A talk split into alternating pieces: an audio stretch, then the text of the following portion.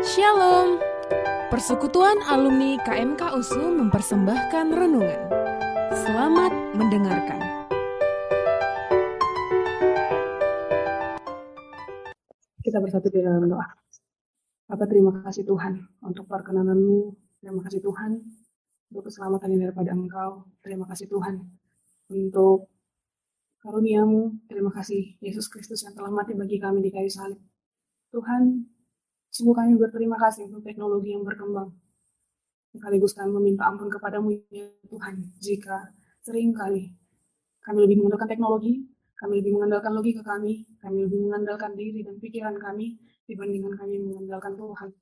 Hari ini kami akan belajar kembali Tuhan, kami akan kembali merenung Tuhan, kami akan kembali menyerahkan semuanya ke dalam tanganmu. Ajari kami semua yang boleh mengikuti kegiatan ini, untuk boleh kembali diingatkan, untuk boleh kembali menyadari bahwa segala sesuatunya harus kami persembahkan kembali kepada Tuhan. Baik itu ilmu pengetahuan, baik itu perkembangan, sains, bahkan teknologi. Kami persembahkan untuk memuliakan namamu. Bapak berkati hari ini, anak-anakmu yang mengikuti diskusi panel ini, bahkan juga berkati uh, anak-anakmu yang menjadi narasumber, bahkan moderator, ada Bang Ega, Bang Febri, bahkan juga Bang Ferdinand. Biar Tuhan yang boleh mengurapi semuanya, bahkan kami boleh diberkati dengan kebenaranmu bahkan dengan diskusi kami hari ini. Terima kasih ya Bapak, kami mulai diskusi panel kami di dalam dan demi nama anak Tuhan Yesus Kristus. Kami berdoa, amin. Perkenalkan, terlebih dahulu saya Sengli Egan Sutoku, saya alumni dari Ilmu Komputer USU 2011. Nah, topik kita yang kali ini teknologi untuk siapa gitu ya.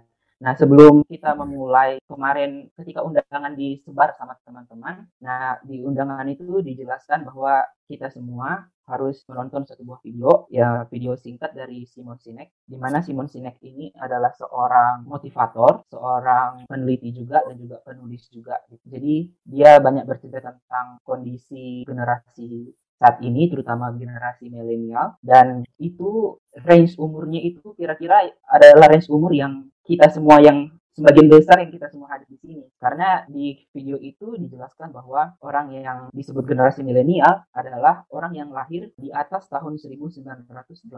Nah, saya sendiri juga adalah termasuk dalam generasi milenial. Dan saya juga lah yang akan dibahas saat ini nantinya. Generasi-generasi seangkatan saya, seangkatan Bang Ferdinand juga. Ya, untuk kita semua lah. Jadi kita sekarang sedang mau berkaca nih sama diri kita sendiri. Kita mau lihat generasi kita saat ini. Jadi saya kira ini adalah topik yang penting dan harapannya teman-teman sekalian juga bisa sampai selesai nanti untuk mengikuti diskusi panel kita pada sore hari ini. Nah, sebelum kita masuk ke dalam sesi diskusi, mungkin ada beberapa teman kita yang masih belum menonton video, mungkin belum sempat atau bagaimana. Ya, izinkan saya untuk boleh kasih rangkuman yang kecil ya gitu ya, supaya kita nanti bisa nyambung ngomongnya gitu. Nanti kita ngomong video, takutnya teman-teman bingung apa yang disampaikan sama si Simon kemarin gitu ya. Jadi aku kira ada baiknya aku bisa bacakan sedikit hasil rangkumanku dari video Simon Sinek itu. Jadi tadi Simon Sinek di dalam videonya itu menyatakan bahwa generasi milenial adalah generasi yang lahir dari sekitar tahun 1984. Nah, ciri khas dari generasi milenial ini adalah, nah ini kita perlu perhatikan apakah ciri-ciri itu juga menempel ada di dalam diri kita. Yang pertama dia katakan itu adalah sulit diatur, narsis, susah fokus, malas, dan yang paling menarik adalah ini nih, yang paling menarik mereka merasa berhak untuk diperlakukan khusus gitu. Nah, jadi kalau kita lihat fenomena-fenomena teman-teman kita ataupun adik ataupun kakak kita yang nggak jauh usianya dari kita, kita bisa perhatikan ini. Semua orang ingin diperhatikan, semua orang ingin diperlakukan khusus, gitu. semua orang ingin dapat reward, semua orang ingin dihargai dan segala macam. Dan itu sangat booming, sangat banyak terjadi gitu dan diingini oleh generasi kita saat ini. Nah, berikutnya juga dikatakan sama Simon Sinek ini. Nah, ini dia kan ada juga ya sebagai seorang pemimpin juga dia juga punya perusahaan dan sebagainya. Terus dia bertanya nih para pemimpin-pemimpin bertanya sama orang-orang generasi milenial. Mereka katakan apa yang kamu inginkan jika kamu mau diperkerjakan kayak gitu. Dan yang mereka inginkan itu adalah mereka ingin bekerja di tempat yang di mana itu adalah passion mereka, di mana mereka bisa merasakan kedamaian ketika mereka bekerja. Selebihnya mereka ingin makanan gratis, mereka ingin ya reward reward seperti yang tadi saya sampaikan kayak gitu kan. Tetapi yang anehnya ketika mereka dapatkan itu semuanya, itu nggak menjamin mereka bisa menikmati meskipun sudah dipenuhi semua keinginan-keinginan mereka untuk bekerja, tetapi kenyataannya mereka enggak itu nggak menjamin kesenangan mereka di dalam hal bekerja kayak gitu. Nah ini jadi satu tanda tanya besar gitu ya. Jadi sebenarnya apa sih yang diinginkan sama generasi milenial ini? Apa sih yang hal apa sih sebenarnya yang bisa membuat seorang seorang ataupun generasi milenial ini bisa menikmati pekerjaannya. Nah itu mungkin akan lebih banyak juga kita bahas pada hari ini.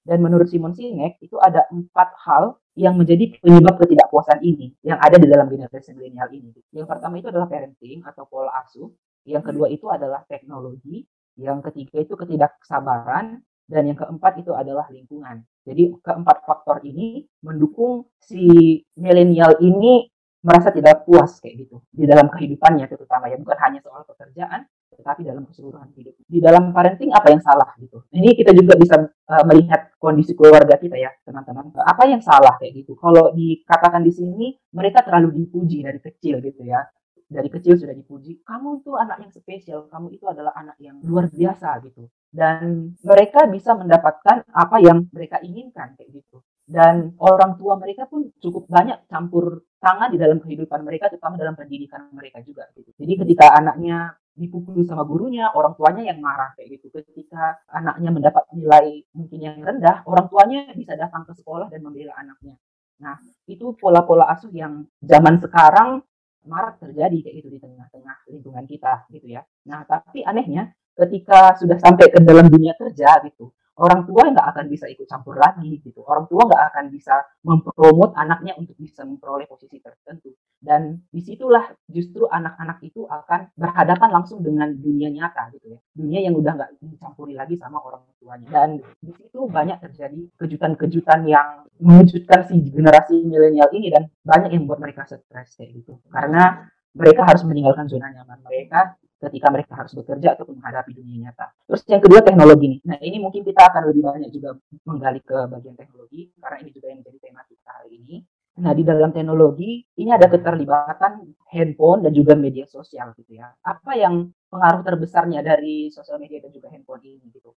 Nah di sini di video itu dikatakan bahwa sebenarnya gitu kan ketika kita mempergunakan handphone dan juga media sosial ketika kita tadi kita punya ciri-ciri narsis ya, ciri-ciri ingin diperhatikan gitu ya. Jadi ketika kita memposting ataupun menaruh status kita di media sosial gitu.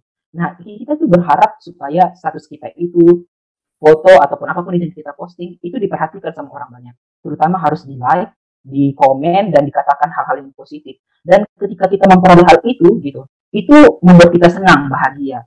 Dan sadarkah kita gitu ternyata ya menurut penelitian kesenangan itu sebenarnya dipengaruhi juga oleh hormon ataupun senyawa kimia yang dibentuk oleh otak kita, yaitu senyawa dopamin. Nah, dan senyawa dopamin ini itu juga sebenarnya adalah yang dibentuk kalau misalnya seorang itu merokok atau alkohol atau mengkonsumsi alkohol.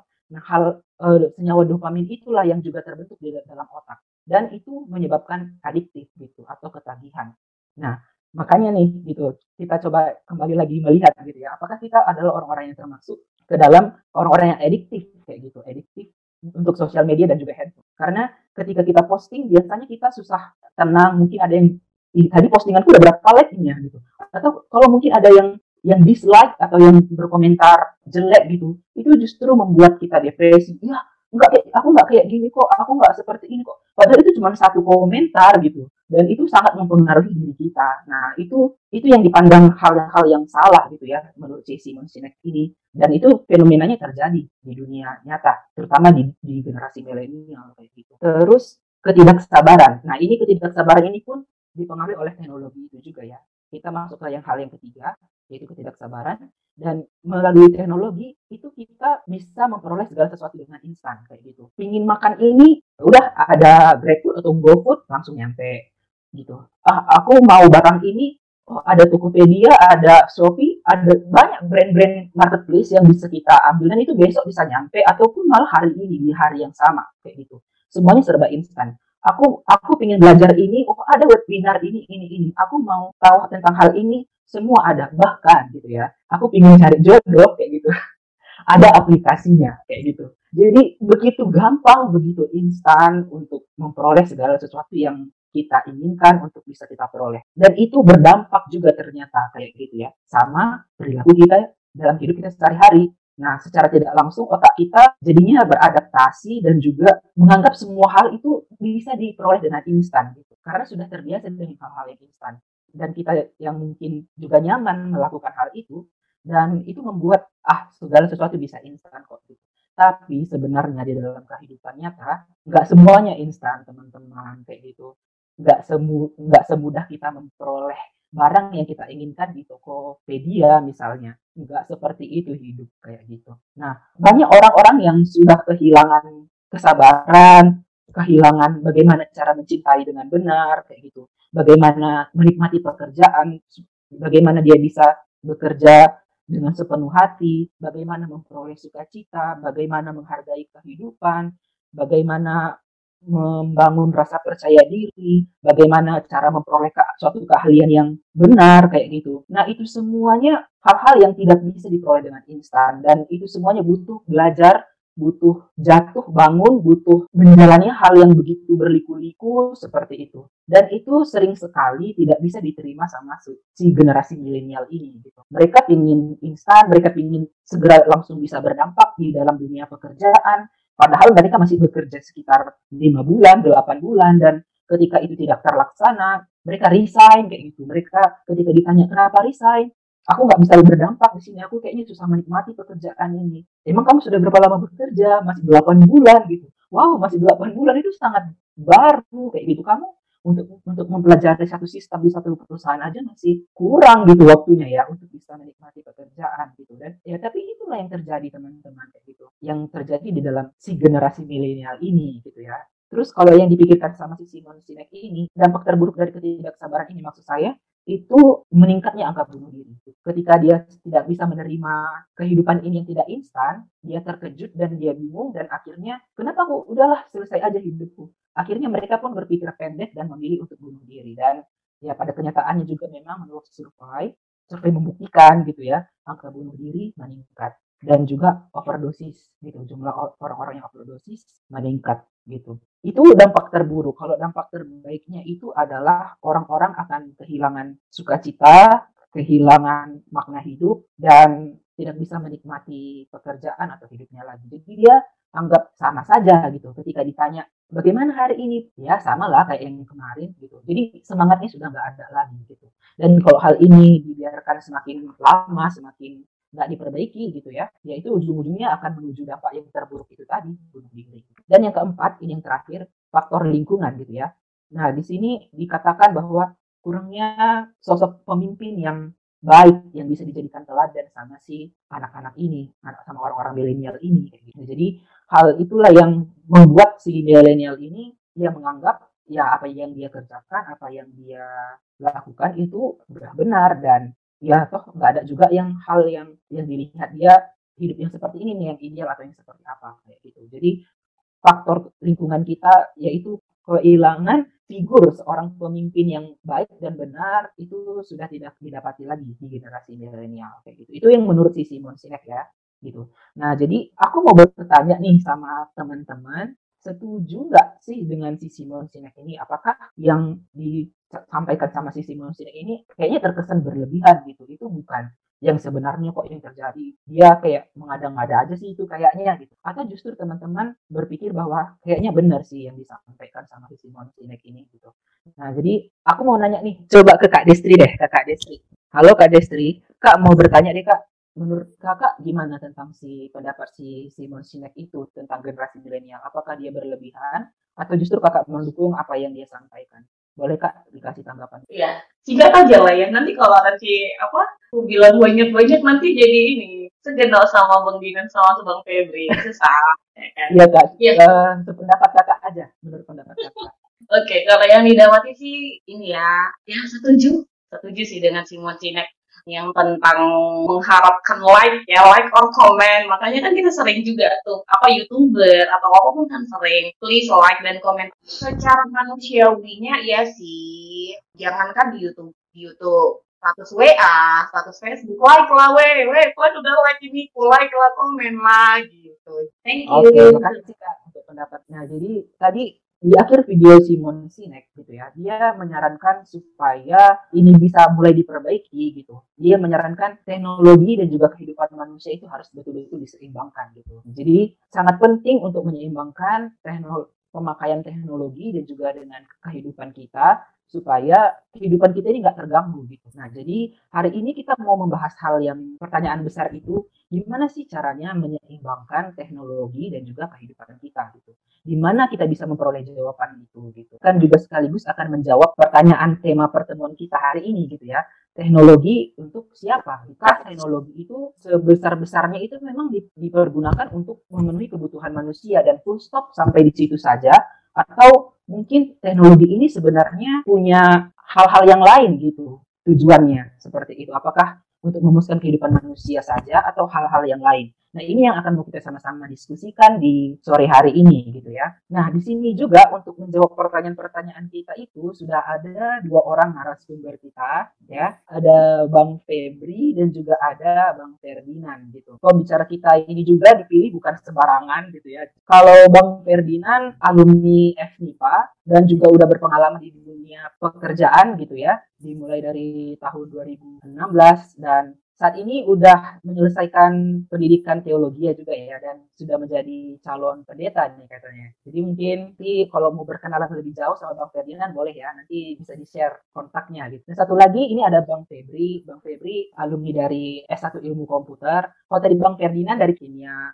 FIPA, kalau Bang Febri dari S1 Ilmu Komputer. Nah dia juga sudah bekerja mulai dari tahun, tahun 2016 eh, sampai sekarang di Wilmar. Kalau mau kenal sama Bang Febri juga boleh. Sekarang saya boleh berikan kesempatan mungkin sama narasumber kita untuk boleh memaparkan. Boleh dari Febri duluan. Ya, uh, baik. Untuk kesempatannya dari moderator. Uh, hari ini kita bicara mengenai uh, teknologi untuk siapa ya. Itu yang jadi satu tema yang teman-teman pengurus bawakan untuk boleh kita diskusikan bersama di sore hari ini. Nah, jadi tadi juga moderator sudah mengenalkan ya, saya bekerja di uh, Wilmar 4 tahun dan sebenarnya tidak punya kapasitas yang cukup untuk boleh membawakan ini. Jadi seperti pengurus yang sudah bawakan bahwa ini adalah diskusi panel, kita di sini sama-sama berdiskusi. Jadi harapannya nanti dari apa yang boleh saya paparkan kita boleh lebih menggali lagi. Saya akan memulai dengan dari apa itu teknologi.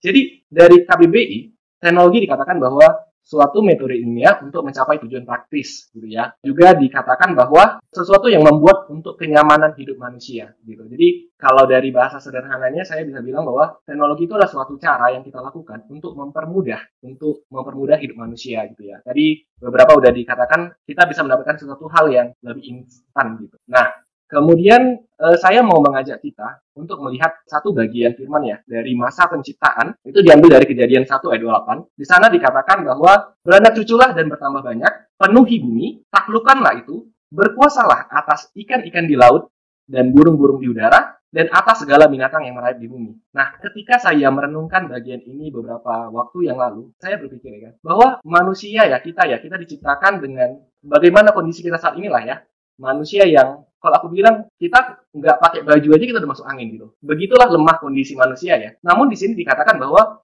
Tuhan memberikan perintah memenuhi bumi gitu. Gimana coba? Kita bayangkanlah misalnya kalau penciptaan itu Taman Eden, anggaplah itu ada di mana kita bilangnya? Katakanlah di Tanah Batak lah gitu kan di Pulau Sumatera. Bagaimana kita bisa memenuhi bumi yang begitu luas? Apakah kita mau berenang gitu? Apakah kita mau menggunakan daya fisik kita? Maka dari bagian ini aku memikirkan bahwa mungkin ya ini uh, pemikiranku pribadi ya. Ketika Tuhan mengatakan hal ini, Tuhan sudah merancangkan bahwa akan ada suatu teknologi yang akan digunakan manusia sehingga dia bisa memenuhi bumi gitu.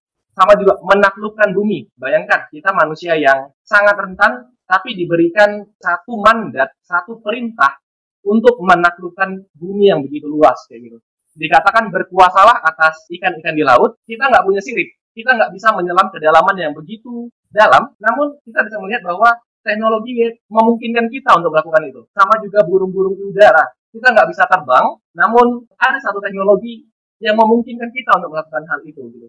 Demikian juga bagaimana berkuasa atas segala binatang yang merayap di bumi. Maka dari hal ini, aku memandang bahwa ternyata teknologi itu adalah sesuatu yang sebenarnya Tuhan sudah rancangkan gitu. Memang pada saat Adam dan Hawa masih pada zamannya ya, itu nggak ada pesawat terbang, nggak ada tabung oksigen, nggak ada alat-alat yang canggih, tapi aku mendapati dari satu ayat firman ini bahwa teknologi adalah sesuatu yang mungkin ya Tuhan sudah merancangkan untuk manusia akan capai gitu.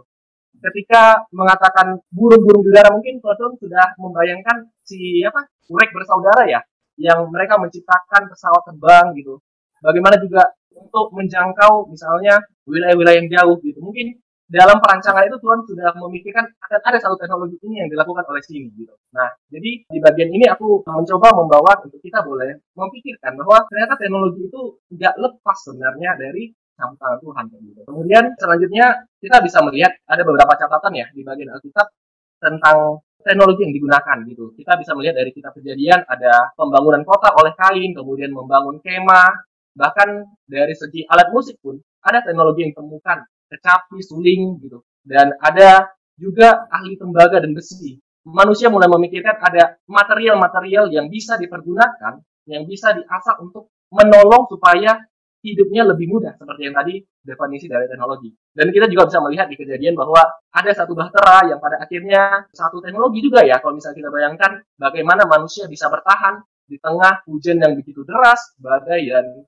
banjir yang begitu besar.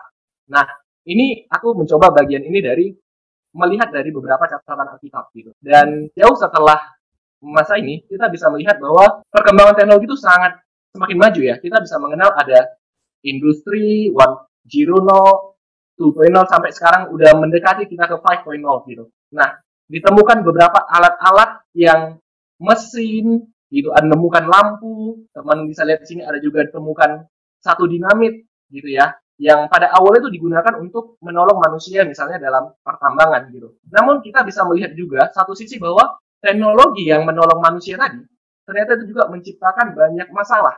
Ada satu ketika eh, ketika pabrik-pabrik di Eropa sangat begitu besar menyebabkan uh, kematian salah satu aku lupa burung apa lagi gitu ada pelajaran sejarah kayak gitu. Nah kita juga bisa melihat bahwa teknologi juga membuat manusia semakin serakah di mana mereka ingin menguasai kalau tadi dikatakan menguasai hewan ciptaan, ternyata manusia juga sekarang menguasai sesamanya manusia.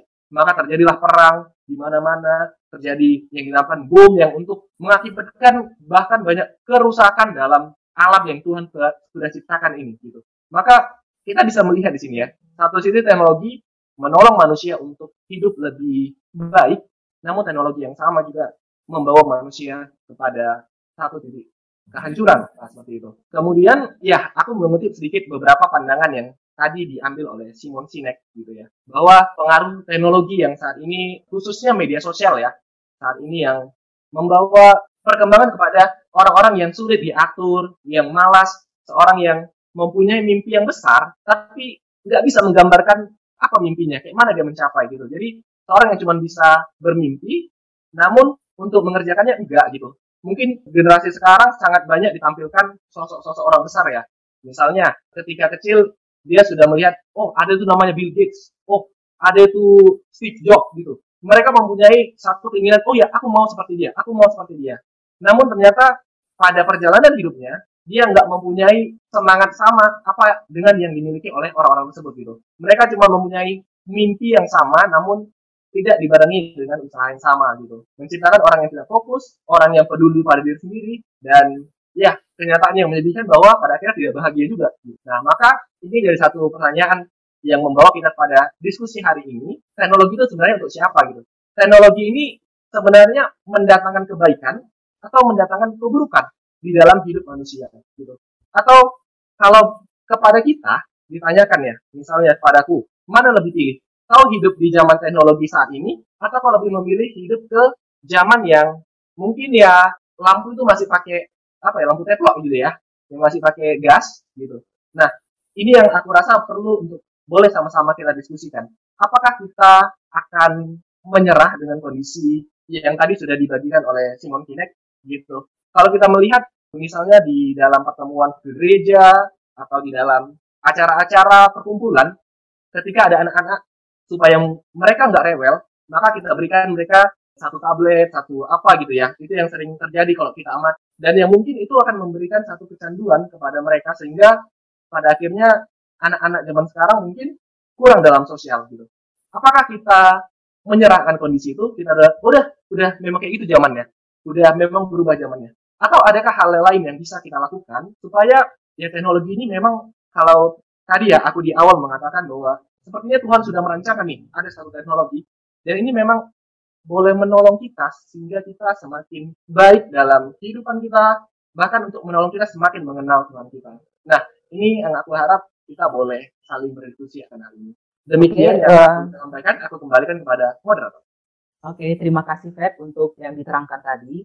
Nah, aku cukup tertarik tadi ya sama hal satu hal yang Febri sampaikan bahwa dari dulu dari kecil gitu ibu-ibu atau orang tua sudah ngasih elek- elektronik kayak gadget gitu untuk anak-anak sehingga itu membuat mereka terbiasa. Dan apakah kita cuman sebagai orang tua cuman ngomong ah memang kayak gitu nih anak zaman sekarang gitu ya. Kita mungkin tahu apa dampak buruknya tapi ya kita cuman ngomong cuma bilang ya memang kayak gitu anak zaman sekarang apakah kita jadinya kayak seperti mengikut mengikuti arus ini kayak gitu tahu ini punya dampak yang negatif tapi kita tetap ikut arus atau apakah kita akan berenang untuk melawan arus itu? Nah itu juga nanti bisa kita diskusikan sama-sama ya teman-teman. Cukup menarik tadi yang disampaikan sama si Febri. Oke sekarang untuk Bang Dinan. Boleh Bang? Oke, terima kasih ya, moderator.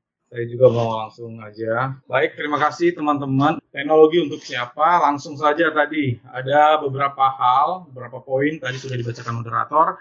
Tapi bagi saya, one big point, ya, satu poin besar itu adalah persoalan bahwa generasi sekarang harus belajar tentang apa itu kesabaran. Jadi acara ini pun akan menguji kita. Nanti kita lihat apakah dalam satu jam kita live aja, karena kita tidak sabar gitu ya kita maunya langsung aja dalam waktu singkat apa inti segala macamnya. Jadi kita kayak mau memotong proses yang harusnya ada. Kalau Simon Sinek kan bilang misalnya apa itu cinta, apa itu sukacita, dan ada banyak hal yang sebenarnya nggak bisa gitu. Nggak bisa semuanya itu diringkas gitu ya. Semoga pertemuan ini membuat kita lebih bersabar ya. Nah lanjut. Nah selain video tadi teman-teman, Eh, saya berharap, aku berharap teman-teman nonton lah ini video dokumenter. Sebenarnya aku masih setengah ya, setengah menonton gitu, nggak full, belum full. Tapi dalam satu setengah potongan film dokumenter yang disutradarai oleh Jeff Orlovsky ini sudah terlalu banyak informasi ya. Misalnya di sini ada, jadi dalam video dokumenter ini ada banyak sekali orang-orang besar ya ada mantan Facebook engineer ada mantan UX Mozilla Labs ada mantan headnya juga operasional Facebook ada juga mantan lain semua pegawai YouTube ya jadi masing-masing dalam video itu mereka bilang bahwa Misalnya yang pertama ya, fitur komentar dan emoticon itu merupakan penghargaan. Tadi udah disinggung oleh moderator, tapi itu tidak sesederhana itu. Jadi karena dia bentuknya penghargaan, itu akan berelasi juga dengan identitas diri kita gitu ya. Kalau hanya dua likes itu entah kenapa kita akan menilainya oh berarti aku kurang diterima gitu ya. Padahal ada banyak aspek hidup kita yang lainnya yang mungkin menyenangkan bagi orang lain, tapi itu belum kita munculkan ya. Atau terbalik misalnya sebaliknya, misalnya muncul 200 like gitu ya. Oh kita merasa disukai banyak orang. Oh belum tentu. Karena ada banyak aspek hidup kita yang belum kita buka di publik kalau kita itu buka mungkin dislike semua, dislike dislike gitu. Jadi tidak sesimpel itu menurutnya ya. Lalu si Azhar Raskin mengatakan, nah ini juga yang berbahaya. Kalau kita merasa bahwa kalau misalnya ada berbagai iklan ya di media sosial terutamanya ya, teknologi kan ada banyak luas ya, tapi ini khusus media sosial. Jangan berpikir bahwa kalau misalnya melihat iklan ada produk, ya itu produk. Mulai dari sekarang harus sadar kalau kita tidak membeli apa pun, misalnya uh, satu aplikasi atau platform itu gratis, itu berarti kita lah yang jadi produknya gitu. Nanti ini bagaimana silahkan tonton. Bagaimana mungkin kita jadi produk gitu ya. Kita jadi bahan rebutan oleh perusahaan-perusahaan yang sedang mengiklankan barangnya. Lalu ada juga uh, Sandi para kilas ya mengatakan semua data hampir tidak diawasi ya siapa yang mengawasi ini gitu? Harusnya kan ada batasan karena data-data kita secara pribadi bisa diambil. Dan juga ternyata ada beberapa media sosial yang memang sengaja memberi ruang hoax. Karena kenapa? Karena kita tahu sendiri ada banyak orang yang suka hoax gitu ya tahu kan misalnya ada kiriman-kiriman kita udah tahu ini hoax masih dibagikan juga terus kita bilang ini hoax enggak dia dia yakin banget itu nah justru media sosial tertentu melihat hal ini dan ini menjadi satu kekuatan untuk mengiklankan oh ini kelompok-kelompok orang atau user yang menyukai hoax itu sudah didata semua. Lalu misalnya ada mantan pegawai YouTube mengatakan ternyata YouTube itu meningkatkan polarisasi. Polarisasi maksudnya ada dua kutub yang semakin menjauh. Oh ini jelas sekali ya. Tadi dibilang aku youtuber, enggak lah. Subscriber cuma 28 ribu, bukan belum belum termasuk youtuber. Tapi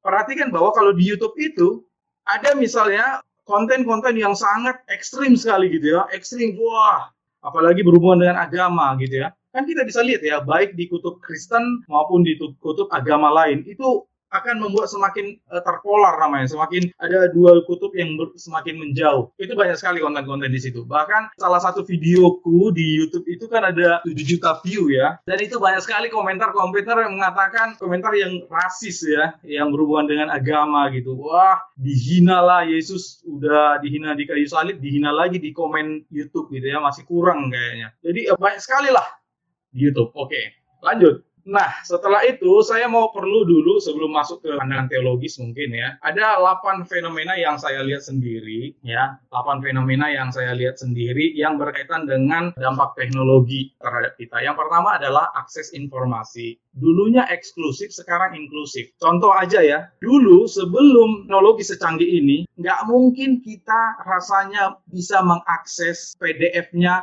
Universitas Cambridge, Oxford, ya, Stanford, banyak sekali. Memang nggak semua ya, tapi ada banyak sekali file-file, misalnya penelitian, skripsi yang bisa kita akses sekarang. Kalau dulu nggak mungkin lah. Jangankan baca, kita harus pergi ke sana dulu, terbang dulu. Biaya sangat besar. Kalau sekarang ada banyak sekali informasi bertaburan. Kemudian yang kedua adalah cultural exchange, ya, ada pertukaran budaya, baik itu lokal eh, ke global atau juga global ke lokal biasanya ini dipengaruhi dari uh, ya media sosial juga ya misalnya Instagram atau juga TikTok ya kan ada banyak-banyak hal uh, yang menjadi kebiasaan di luar negeri misalnya kita tonton dan kita mulai mempelajari dan tanpa sadar mengikuti oh itu hal yang biasa misalnya gitu ya. Ada banyak hal lagi lalu juga ada local society menjadi global society. Nah ini maksudnya apa? Kita kayaknya menuju ke arah global society masyarakat yang kayak semakin membentuk suatu kumpulan yang besar yaitu masyarakat global. Contohnya misalnya ya, ada banyak isu-isu yang sebenarnya terjadi di tingkat lokal, tapi itu jadi isu besar. Misalnya kemarin kasus penganiayaan agama di Rohingya ya, penganut agama tertentu di Rohingya di Myanmar. Itu kasus terjadi di situ tapi itu menjadi persoalan global misalnya atau kasus pelanggaran HAM di Papua yang menjadi perhatian PBB itu terjadi secara lokal di Papua tapi itu menjadi perhatian global. Atau juga misalnya kasus yang kemarin di Selandia Baru ya Christchurch gitu penembakan terhadap itu kan terjadi di lokal tapi itu menjadi concern bersama secara global. Jadi kita yang dulunya tanpa teknologi ini apa yang terjadi? Misalnya saya di Jalan Bali Pematang Siantar ya, apa yang terjadi di Pematang Siantar aja lah itu. Itu yang terjadi. Oh tadi ada preman di situ nagih 500 1000 itu yang terjadi. Tapi sekarang apa yang terjadi di banyak tempat itu seolah-olah menjadi bagian dari komunitas kita. Padahal kita nggak harusnya. Dan nggak ada keharusan memang. Lalu keempat adalah transgeografi community ya. Jadi ada dan bisa memungkinkan terbentuk komunitas yang tanpa batas. Ya seperti kita lah ya. Misalnya saya di Jakarta, Sengli ada di mana, Febri ada di mana, ada banyak sekali. Kita bisa buat persekutuan ya. Kayak ini misalnya interest group sains dan teknologi. Ini tidak hanya dalam satu kota Medan gitu ya. Ada banyak kota yang mengikuti atau persekutuan-persekutuan lain atau gereja misalnya ya. Ini adalah salah satu fenomena juga akibat dari dampak teknologi. Nah yang kelima adalah nah ini popularisme dan viralism apakah ini menjadi sebuah the purpose of drive uh, of driven life gitu ya? Kita tahu ada buku yang berjudul seperti ini kan the purpose. Tujuan hidup yang kayak semacam diarahkan ke sana. Apakah tujuan manusia sekarang adalah mengejar popularisme dan viralisme? Yang penting itu populer kita ikuti kita like kita follow gitu. Yang penting itu viral kita contohkan gerakannya tanpa ada makna, nggak penting kita memikirkan makna. Yang penting itu lagi viral gitu ya. Ini sangat bahaya sebenarnya, khusus bagian ini ya. Orang hanya akan mengikuti viral, oh itu viral, ayo kita ikutin. Oh itu lagi populer, ayo kita tanpa mau memikirkan apa sih maknanya kita buat gerakan seperti apa. Oh nggak perlu ada makna, yang penting itu lagi asik aja gitu ya, asik aja. Nah apakah ini the purpose of driven life? Kemudian selanjutnya adalah instant culture. Ini sudah disinggung oleh si Simon Sinek ya. Ini menjadi perilaku sosial. Kita selalu mengharapkan yang instan aja lah. Bahkan untuk story yang 30 uh, detik kadang misalnya kita melihat story teman gitu ya. ini lama banget sih, ini udahlah lewatkan aja gitu ya. Bahkan 30 detik itu terasa kurang. Kita maunya langsung ketahuan, udah itu apa intinya gitu. Padahal akibatnya, nah nanti kita bahas akibatnya. Kemudian juga periklanan. Nah ini yang juga berbahaya menurut saya ya periklanan itu sekarang dibuat dengan sangat canggih dengan bantuan AI. Apakah AI ini artificial intelligence ya? Ada algoritma tertentu yang dirangkai begitu canggih sekali sehingga tadi data-data kita tadi ya, apa yang kita like, apa yang kita browsing itu semua disimpan. Ya kita memang ya nggak mungkin lah disimpan. Itu disimpan. Tonton aja video tadi orang-orang yang sudah keluar dari berbagai media sosial. Nah dari situlah dirangkai kemudian dilihat oh Ferdinand ini kecenderungannya misalnya mencari sepeda statis misalnya gitu ya. Nah setelah saya mencari sepeda statis, ketika saya buka web tentang Alkitab pun maka akan muncul nanti iklan sepeda statis harga 250 ribu misalnya gitu. Akan ada seperti itu. Nah yang bahayanya adalah iklan yang begitu canggih ini bisa dan berhasil membuat kita merasa membutuhkan itu gitu. Padahal belum tentu itu bukan jadi eh, itu belum tentu bukan adalah sebuah kebutuhan kita sebenarnya. Tapi karena ditampilkan terus, ditampilkan terus, kita tertarik akhirnya. Aduh, sudah lima kali, sepuluh kali, gitu ya. Ada psikologi di sana, sepuluh kali kita melihat kayaknya enak lah kalau punya sepeda statis ini ya. Oke lah, beli lah gitu. Padahal seharusnya itu bukan uh, menjadi kebutuhan kita, tapi muncul menjadi sebuah kebutuhan seolah-olah karena periklanan. Yang terakhir adalah Nah ini kunci dari kesuksesan sebuah sosial media itu adalah bagaimana kalau kita pengguna itu sudah kecanduan. Ini teman-teman, kalau penggunanya kecanduan, itulah tanda sebuah sosial media, media sosial itu berhasil. Jadi memang ada sudah banyak sekali orang yang mengatakan ini bahwa media sosial itu dirancang memang supaya kita addicted supaya kita kecanduan. Kenapa? Ya kalau semakin kecanduan, semakin pertama banyak penggunanya, banyak usernya, kemudian semakin banyak waktu kita di sana. Dengan demikian, semakin banyak peluang iklan yang akan ditawarkan kepada kita, gitu. Atau juga banyak hal yang bisa mungkin uh, mengarahkan kita. Dan dalam video tadi sosial dilema itu lebih luar biasa sekali. Ada eh, tahapan-tahapan uh, yang mengerikan di situ adalah bagaimana sebenarnya sekarang perilaku kita dimanipulasi gitu asliku itu sebenarnya bu bukan tipikal orang yang hedon, bukan orang yang suka berbelanja, tapi itu bisa dimanipulasi ya dengan algoritma tadi, dengan kekuatan the power of social media tadi sehingga aku menjadi seseorang yang suka berbelanja. That happens ya. Itu terjadi. Oke, lanjut. Ya, ini seorang sejarawan muda tapi yang unik dari Yuval Noah Harari ini ya teman-teman, biasanya sejarawan kan merujuk ke belakang gitu ya. Apa yang terjadi yang kemarin 2000 tahun yang lalu? Enggak, dia nggak hanya melihat ke belakang, dia juga melihat ke depan. Gitu. Bagaimana kemungkinan peradaban dunia? Ada berbagai bukunya juga ya, Homo sapiens, eh, kehidupan ke belakang dan ke depan gitu ya. Nah, menarik sekali ada banyak hal yang diungkapkan dari sini, apalagi dengan AI. Yang berbahaya dari AI adalah, bayangkan nanti 20-30 tahun ke depan, ada satu sistem komputer yang begitu canggih, yang lebih mengenal dirimu ketimbang dirimu sendiri. Kenapa? Kenapa bilang? Contoh, manusia punya kapasitas ingatan dan pikiran. Sementara sistem komputer yang canggih ini, nggak ada batasan. Semua bisa direcord. Jam detik, ya kan? Jam, hari, detik kamu mengakses YouTube itu semua terrecord di history. Ya oke kita hapus. Siapa yang tahu di YouTube-nya tetap diingat gitu ya. Semua itu terekam dan semua itu diolah. Dan ketika sistem komputer yang canggih itu mengolah, maka dia akan lebih mengenali diri kita daripada diri kita sendiri. Bahkan misalnya mungkin lebih mengenali kita daripada ibu kita, istri kita, pacar kita, atau orang-orang dekat kita. Karena dia suatu sistem yang hampir tak terbatas. Sedangkan kita bisa bisa lupa gitu ya. Bahkan bahkan dia bisa membaca emosi kita, mood kita, semua itu dibaca dari data-data setiap hari kita, bagaimana kita berperilaku di media sosial atau menggunakan teknologi. Misalnya kita juga pergerakan kita ya, hari ini saya di Medan, besok di Tarutung, semua pergerakan itu dicatat. Oh, kemungkinan di sini. Apa yang kemungkinan gerak hidupnya, tujuan hidupnya, itu bisa dibaca, didatak semua. Ini menarik bukunya. Nah ini ada seorang penulis juga dia mengatakan ya memang begitulah ya teknologi yang begitu canggih itu hampir nggak ada bedanya dengan sebuah magic sulap gitu ya. Kenapa dikatakan begini? Karena kayak seperti sulap kita seolah-olah nggak sadar bahwa kita sebenarnya sudah terpengaruh dengan imbas teknologi ini, tapi kita nggak sadar. Nah itu mengerikan sekali. Kita bahkan tidak sadar dan tidak mengakui bahwa kita sudah terdampak dengan teknologi. Enggak, aku biasa aja. Padahal sebenarnya iya, itu problem. Nah diskusi Iya, aja dulu oke. kan.